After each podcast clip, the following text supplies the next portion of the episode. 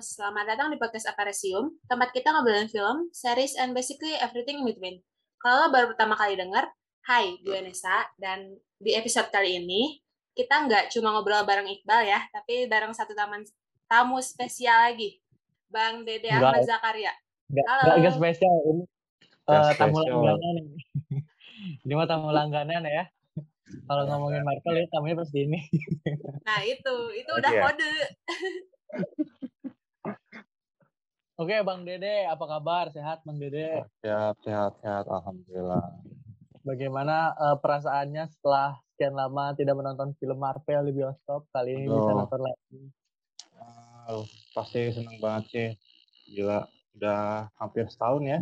Nggak nonton Lebih, bioskop. Nah, Iya, gila. lebih. Terakhir, terakhir tuh nonton apa sih Marvel di bioskop? Eh, terakhir tuh apa ya? Lupa, set. Buset, lupa dah. Udah, lupa banget. Parah, udah saking udah, udah dilupakan. Spider-Man bukan sih? Spider-Man. Iya, itu? iya kayaknya Spider-Man. ya. Kayaknya. Spider-Man. Ny- nyampe lupa ya bisa bisa gitu ya. Iya. Ya kayaknya Spider-Man. Soalnya kan setelah Spider-Man itu kan ada film Black Widow, cuman diundur tuh kan. Hmm. Jadi kurang Udah, lebih setahun lebih ya nggak nggak nonton film-film Marvel sekarang baru nonton lagi. Ya, atmosfernya bagaimana experience-nya bang? Mantap.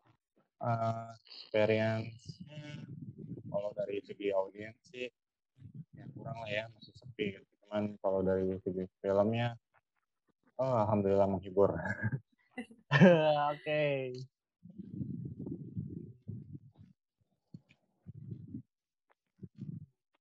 jadi untuk eh, konten konten lagi. Untuk tema sekarang film sekarang kita bakal ngomongin eh, lebih jauh soal film Sangchi ya. Bareng Bang Dede sama Nesa juga bareng sama Iqbal juga. Eh film Sangchi ini kalau rilis di luar negeri mah udah dari beberapa minggu yang lalu. Cuman kalau di Indonesia berbarengan sama pembukaan bioskop ya baru belakangan ini. Baru semingguan mungkin di bioskop. Mungkin buat daya tarik juga orang-orang buat ke bioskop ya. Iya betul Nah, kita langsung eh, bahas aja Eh, soal film Shang-Chi ini secara garis besar menurut Bang Dede sama Nesa bagaimana? siapa dulu siapa dulu Aku dulu deh, kayaknya aku dikit soalnya. Iya, boleh Nesa. Garis besarnya dulu aja ya. Oke. Apakah cukup memuaskan untuk me- apa ya? mengobati rindu gitu. Ini kan kebetulan juga ini film pertama yang ditonton di bioskop ya. Dan eh, setelah nonton ya senang sih. Maksudnya ya filmnya emang menghibur gitu. Meskipun kalau kita lihat dari ceritanya ya, ini kan formulanya familiar banget ya tentang Hmm. keluarga disfung, disfungsional gitu. Terus kemudian yang menggiring proses pencarian jati diri si protagonis itu sendiri kan. Jadi bukan hal yang baru lah. Terus nggak nggak mengeksplor temanya lebih dalam juga. Tapi yang eh, gue suka tuh porsi dramanya gitu loh. Perihal hubungan keluarganya eh, bisa tampil solid aja gitu. Apalagi acting si ayahnya. Gara-gara ada si Hmm. ayahnya sih itu. Termasuk Oke. kayaknya itu villain yang eh, gue paling suka juga sih dari di MCU. Setelah Zemo ya tentu. Gue ada pertanyaan sih sebenarnya itu sebenarnya tokoh ayahnya di sini beneran dia jadi villain enggak sih? ya iya Gimana, dong, Bang? kan technically itu the Mandarin gitu jadi bagi orang ya dia musuh gitu Nah, ya kecuali anaknya kan gitu Iya. dia dipaksa jadi pembunuh lah itulah gitu tetap masuknya villain sih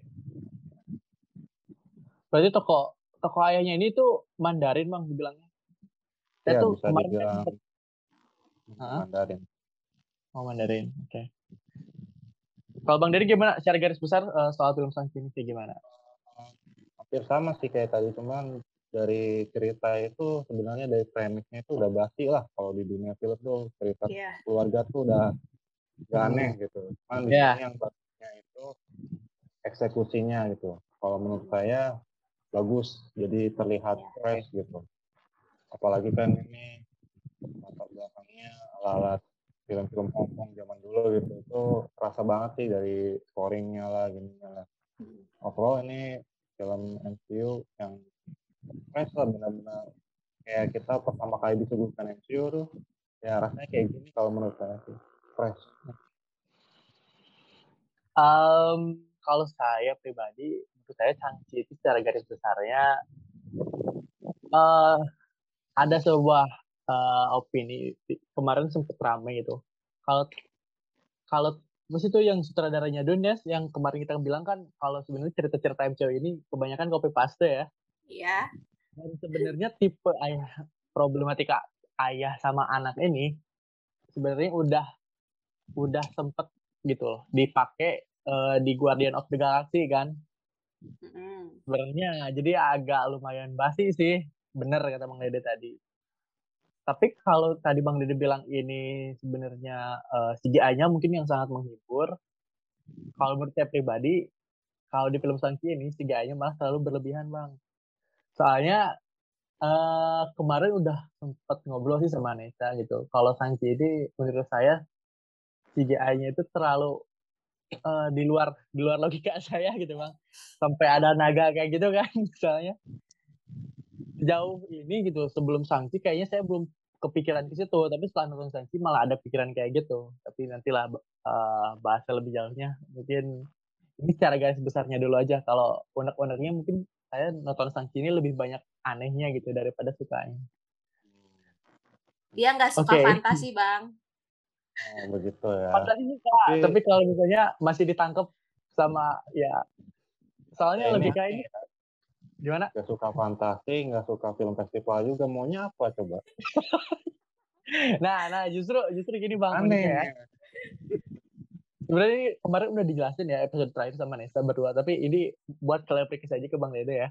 Oh, Jadi kan siap. eh, nggak su bukan nggak suka nggak cocok sama film-film festival ya. Film festival ini kan kebanyakan sa- sebenarnya sangat dekat sama kejadian kita sehari sangat masuk akal ya. Tapi kenapa saya nggak cocok ngerasanya?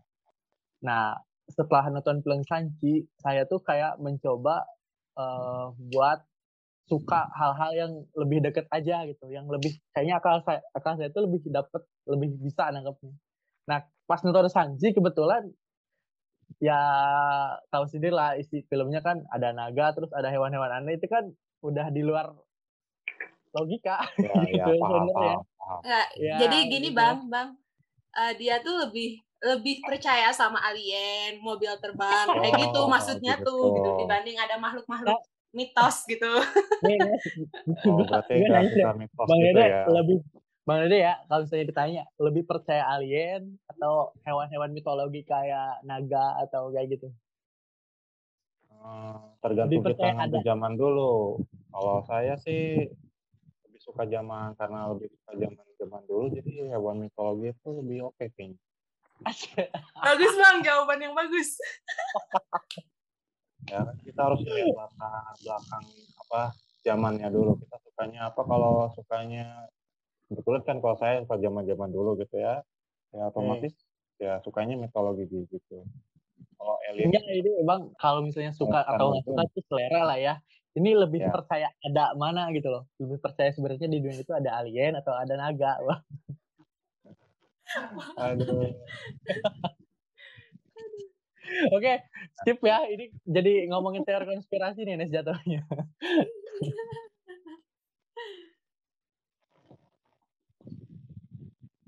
Kalau dari aksinya gimana nih?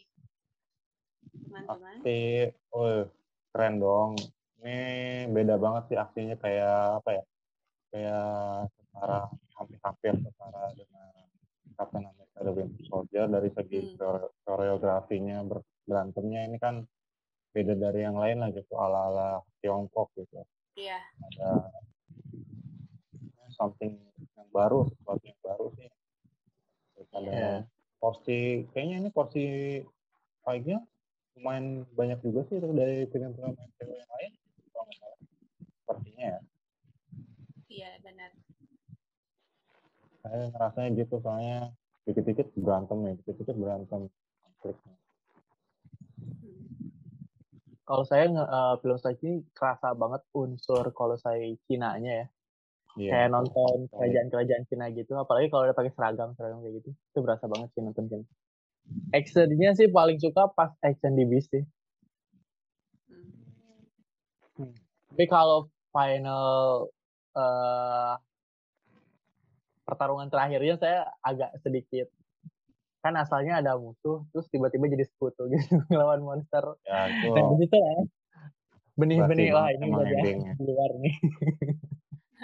ya setuju sih soalnya dari cerita sebenarnya kelihatan terus cuman agak bisa ditebak sih ya arahnya Iya. saya Hmm, sebelum final final scene-nya itu yang berantem berantem sama bapak saya udah mikir nih bapaknya mati itu bukan sama si sanksinya Mm-mm. saya udah mikir ke situ ternyata kan emang benar gitu Hmm. jadi nggak mungkin gitu ada apa ya anak bapaknya secara langsung itu nggak mungkin sih jadi ketebak Tapi agak sedih sih, soalnya ini baru film pertama tapi si Mandarin udah mati aja gitu. Padahal di sebelum-sebelumnya kan diceritain kalau si Mandarin tuh kayaknya hebat banget ya. iya emang udah di sisi itu juga ada yang disayangkan emang yang orang yang udah ribuan tahun hidup gitu Mm-mm. immortal lah apalah matinya kayak gitu doang tuh Ya itu. potensial sekali Tapi- apalagi ini aktornya Tony Leung Ah, legenda Mungkin bayarnya mahal ya. Oh iya, Naruh. bisa jadi. Enggak tapi enggak sih Marvel nggak pernah lihat faktor dari budget sih kayaknya nggak pernah punya masalah. Tapi eh, tokoh Mandarin ini ada kemungkinan buat bergenerasi nggak sih bang? kalau regenerasi sih pasti Di ada komiknya. aja kalau di komik sih kayaknya nggak ada deh kalau kalau seingat saya ya soalnya ada kalau komik yang dulu Wenwu itu bukan bapaknya Kangxi Oh. ya. siapa ya lupa gitu nah, di retcon lah jadi bapaknya Kangxi di komik yang paling baru tuh komiknya. kayak gitu. Hmm. Ini agak-agak tapi komiknya emang kurang familiar sih sebenarnya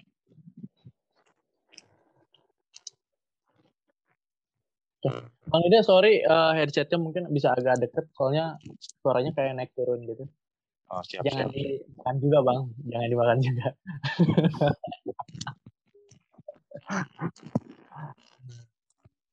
Kalau lu Nes gimana masalah action di film Sanji ini? Kayak gimana? Suka sih, soalnya ini kan martial art ya. Mirip-mirip sama Jackie Chan gitu lah. Paling suka Iya, sih waktu yang eh, mereka berantem di gedung itu, yang banyak bambu-bambunya itu.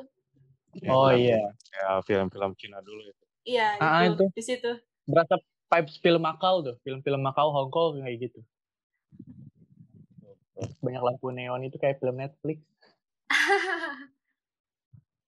Menarik sih karakter si adiknya juga berarti di- dieksplor lebih banyak kan di situ juga. Dan setelah di after credit juga dimunculinnya gitu. Oh emang di after credit yang itu ada ya adanya? Adanya. ada Oh, jadi sorry, dia saya- kayak nerusin Hendrix-nya gitu sih organisasinya gitu Eh, saya pengen, jadi pengen langsung ngelangkah jauh nih masalah after credit soalnya saya kan keluar. Cuman eh, saya tuh per- baca dulu eh, spoiler gitu lah ada yang spoilerin. Katanya after credit yang kedua itu ngomongin eh, kem- apa ya sedikit bocoran soal film keduanya Sangchi gitu. Makanya saya nggak terlalu tertarik. Soalnya belakang ini udah menjauh-jauhi kayak bocoran-bocoran kayak gitu. Itu juga termasuk bocoran. Tapi kalau misalnya saya nanya sebenarnya yang ditampilin di after credit kedua itu apa sih terus berhubungannya nanti sama film kedua kayak gimana? Apa ya? Karena clue-nya minim sih kalau kata saya sih. Jadi cuman adiknya datang ke tempatnya bekas bapaknya itu bekas itu dia duduk. Kayak seakan-akan dia memimpin sekarang gitu. Udah kayak gitu doang. Jadi asumsinya ya dia bakal nerusin sampling. Entah untuk ke arah yang benar uh, lanjutin bisnis sebelumnya gitu. Gitu sih kalau saya lihat. Karena emang Berarti kemung- Uh, kemungkinan ya lainnya belum ada ya bang ya buat film keduanya? Belum belum. Belum kelihatan nggak kelihatan sih. Kayak udah Itu sih. selesai gitu. Yang menarik diliatin eh, kan kalau sebelumnya Ten Rings itu organisasi buat cowok-cowok semua kan. Nah di after Iya. credit itu diliatin juga, jadi banyak cewek yang ikutan gitu. iya di situ mungkin ada perubahan apa gitu.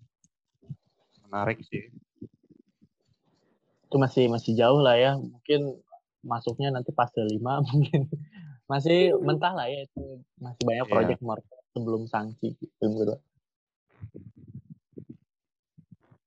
selanjutnya ada apa lagi nih yang mau di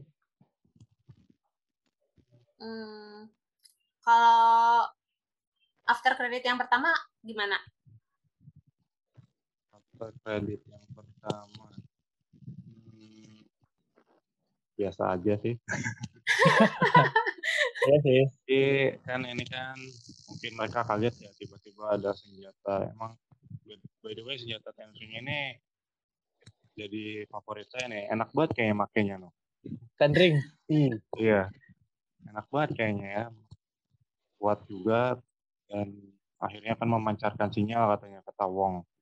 Iya. Dan sinyal akhirnya mereka memanggil jamuan dari bumi Bruce Banner dengan Mm-mm. keadaan ya dia Bruce Banner bukan Profesor Hulk ya. Nah, nah itu itu gimana tuh bang? Berarti si timelinenya gimana? Sesud pasti kan Ah, sesudah endgame, tapi sesudah sebelum itu Kayak- kan Loki. kejadian eh, terpecahnya multiverse harusnya iya sebelum Loki karena nggak ada tanda-tanda multiverse runtuh kayak di film di trailer Spider-Man sih. Iya, iya. Ah, iya jadi kemungkinan itu masih aman lah ya belum ada multiverse multiverse gangguan dari multiverse. Ya belum. Eh nanggepin after credit yang pertama tuh. Saya tuh kan itu sudah ada si Wong ya. Kalau di trailer kan si Wong kayaknya eh kita sebagai penonton mungkin menebak porsinya si Wong ini bakal main gede ya di filmnya, tapi ternyata enggak. Dia di sini lebih kayak cameo biasa aja kan. Eh, tapi setelah lihat after credit pertama itu saya yang jadi penasaran pas si sanksinya diajak portal masuk sama si Wong, kenapa siapa tuh temannya? Apa namanya? Ah, siapa ya? Nama temennya siapa deh? Kathy, Kathy. Katy ya. Kenapa si Katy tuh diajak? Apakah sebenarnya di komik juga si Katy ini eh, lumayan besar perannya eh, di karakter Sangki ini bang? Apa gimana? Soalnya kan itu bisa dibilang perekrutannya peresmiannya Sangki gitu masuk ke Avenger. Tapi kenapa harus sama si Katy gitu? Ya kalau di komik sih kayaknya cuman teman-teman ya partner kayak gitu, supir gitu biasa sih nggak terlalu spesial kalau nggak salah. Cuman kalau di Iya. sini mungkin melihatnya karena si Katy udah ikut ke dunia ibunya gitu kan ke dunia fantasi itu. Ya, Jadi ya namanya film pasti kan masa nggak diajak gitu kan. Oke. Ini pertanyaan buat Bang Dede nih. Siapa nama asli karakter Katy bang? Coba sebutin cara penyebutannya kayak gimana? Apa ya? Riwe, Riwe. Cinanya Riwe. Ya, Oke oke sorry sorry. Riwen, Riwen kan Riwen. Hmm. Cuma nama nama aslinya tuh kalau di eh, kayak Robert Tomatoes gitu pokoknya eh kayak susah gitu kan. A, a, Aku wah jadi kayak tahu ya. Awak, awak, awak, wak, wak, awak, wak, wak, wak. Iya iya.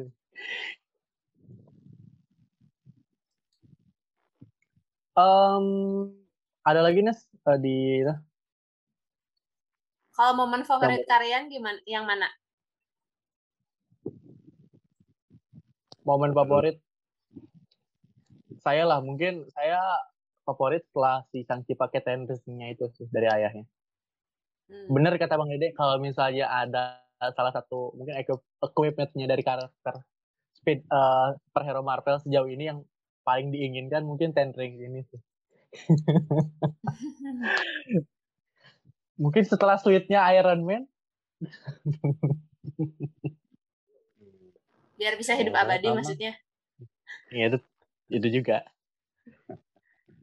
Bang Dede apa momen favoritnya di film Shang-Chi ini? sama sih saya juga ketika ya mainin-mainin tekniknya gitu kayak menarik gitu saat Mm. dilempar lah apalah gitu benar-benar pengen melihat dieksplor gitu itu kayaknya masih sebagian kecil kekuatannya deh Iya. bisa lebih dari itu kayaknya Iya, iya. Oke. Eh, gimana nih? Ada lagi? Kalau aku sih waktu si Sound sama si Katy-nya tuh cerita soal apa yang mereka alami di Talokan. Tapi si temennya awalnya nggak percaya. Tapi Oh, terus iya. si Wongnya tuh malah muncul terus ngeluarin jurus atau sihirnya itu kan. Terus Ya, mereka portal. berdua tuh jadi kayak sombong gitu kan. Sampai diliatin sama semua orang di restoran itu gitu. Itu lucu lah. Itu kayak kayak gimana ya? Kalau misalnya kita ada di posisi temannya si Shang-Chi sama si Katy ini mungkin posisinya bakal sama. Yang mereka kan kayak supir Velvet gitu terus ngomongin soal nyelamatin dunia. Kita juga Hmm. pasti nggak percaya. Iya. Tapi setelah si Wong muncul sama portal ajaibnya ya oke.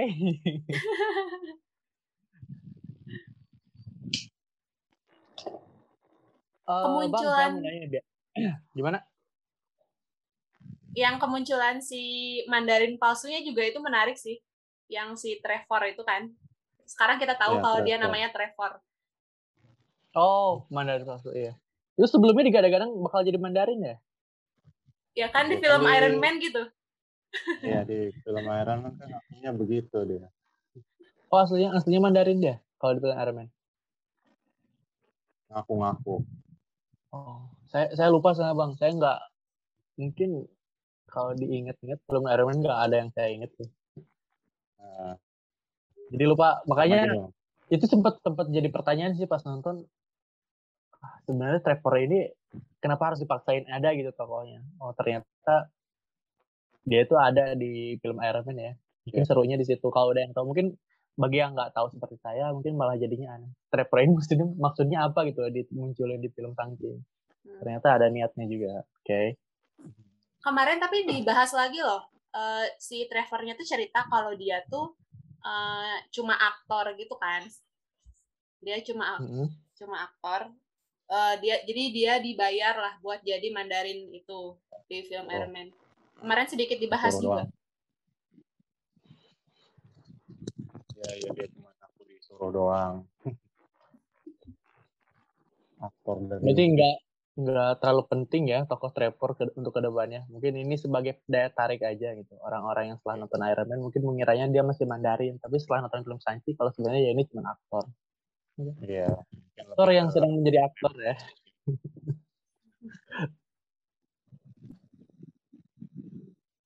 Uh, bang, langsung aja deh kita ngomongin yang seru-seru ya. Nggak asik kayaknya kalau ngomongin film Marvel, tapi nggak ngomongin multiverse-nya. Aduh, multiverse aja nih. Nggak. Uh, tapi sebelum konteks uh, Marvel atau Sanchi ini ya, Bang Edi nonton What If kah? Nonton. Nonton ya, udah sampai episode terakhir? Episode kemarin berapa sih? tujuh ya? Tujuh. Setuju ya.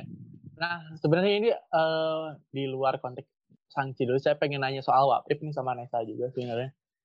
Itu kan setiap episodenya beda-beda cerita ya. Yep. Itu bisa menunjukkan sebenarnya ada uh, kejadian apa sih di multiverse lain selain di versinya MCU yang kita tonton selama ini gitu. Nah, dari beberapa kemungkinan yang udah ditayangin di What If, gitu. kalau misalnya ada salah satu yang benar kejadian, lebih milih kejadian mana sih? lebih suka atau episode yang mana? Mungkin simpelnya seperti itu. Aku Oh, belum belum. aku aku terakhir nonton tuh pas yang episode itu sih, Doctor Strange. Oh, Jadi dua episode ya? lagi belum nonton. Oh. Kalau Bang Dede mungkin ada yang inget atau ada yang kepikiran? Mana ya? Sebenarnya ceritanya itu kan kayak dibuat ulang tapi ceritain beda gitu. Hmm. Oh. Kalau yang pengen apa ya? Kayaknya kalau zombie kayaknya udah terlalu biasa lah ya. Iya. Banyak Iya. gitu. Kayaknya yang menarik itu kalau nggak yang Doctor Strange, kalau nggak yang Arvitor Iya, yang saya juga paling Thor. yang kemarin tuh. Kayaknya itu sih. Nah, Bang, berarti eh, itu sedikit saja sih lebih ke penasaran saya sebenarnya. Saya soal WhatsApp ini pengen ngobrol, tapi nunggu beres dulu gitu sama Nisa pun belum dibahas sama sekali WhatsApp. Cuman saya kebetulan belum ada Bang Dede gitu. Mungkin Bang Ya. Dede lebih tahu lah, atau bisa lebih menjelaskan. Lebih pengen tahu aja sih sukanya yang mana. Gitu. Hmm. Balik lagi aja ke Sanchi Bang ya tadi. eh langsung mungkin ini pertanyaan-pertanyaan di film kayak nonton Marvel sebelumnya juga saya sering ngomong kayak gini. Nah, untuk ke depannya mungkin Sanchi ini sebenarnya kalau versi komik di bawahnya bakal kayak gimana? Atau peran dia sebenarnya di Avengers itu kayak gimana sih bang? perannya ya kalau setahu saya eh, itu ya cukup cukup ada apa ya peran, Hmm. ada peran buat protektor jadi protektor dunia atau istilahnya jadi Avengers lah gitu cukup cukup Mhm. besar lah perannya Hmm. karena komik sih agak beda sih ya ringsnya benar-benar cincin gitu kan kalau di sini kan bisa dibilang gelang ya Iya. Iya. Oh kalau kalau di komik itu cincin ya? Iya beneran cincin Oh. Kalau di sini kan gelang. Ya, agak beda sih. Jadi mungkin powernya juga mungkin agak dibedain kayaknya. Oke, tapi lebih lebih open power sih kayaknya kalau versi gelang. Iya benar. Kan ini aja kan masih belum diketahui ya dia berasal dari mana, apa Iya. kuno bukan, dari planet lain bukan, dari planet bukan. Jadi jadi misteri. Masih banyak lah ya pertanyaan-pertanyaan soal film Sanchi ini yang belum bisa dijelaskan di film pertama. Mungkin nanti di film keduanya bakal ada titik terang. Ini eh mungkin pertanyaan terakhir bang ya. Di after credit pertama itu kan diliatin kalau Ten Rings-nya Shang-Chi ini lebih kayak ngasih kode atau lebih ke semacam apa ya? Eh, pok- pokoknya sebenarnya kalau si gelang ini kayak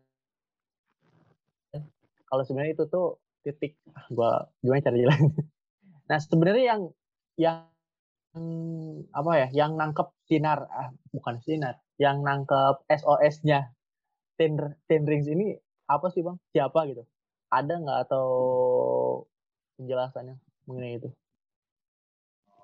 Kalau teori saya sih dari sanctumnya Wong.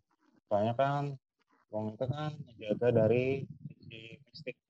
Nah, Rings Iya. itu kalau menurut saya maksudnya ke mistik. Jadi ketika Rings digunakan itu bakal ada apa ya namanya ada di Ya, radarnya si sanctum itu gitu. ah iya rada Kekuatan kekuatan besar tapi apa gitu nggak tahu kan di Wong. Sih gitu kalau teori Kalau saya. teori saya, teori liar banget nih. Nah, kemungkinan pembukaan mul- multiverse ini terjadi setelah dicek si Wong, dicek gelang itu loh. Jadi kemungkinan yang radar yang ditunjukin di Ten Ring ini bukan dari dunia dunianya Marvel sekarang, mungkin dari multiverse saya. Mungkin ya teori liarnya seperti itu dari saya. Ya mungkin mungkin bisa ya. Kalau Nisa ada pembelaan lain ya soal itu radar yang dikeluarin sama Ten Ring-nya Sanchi. Nggak Mungkin ada ada teori-teori nggak ada. Nggak ada. Menerima aja. Belum sempat nyari-nyari juga sih.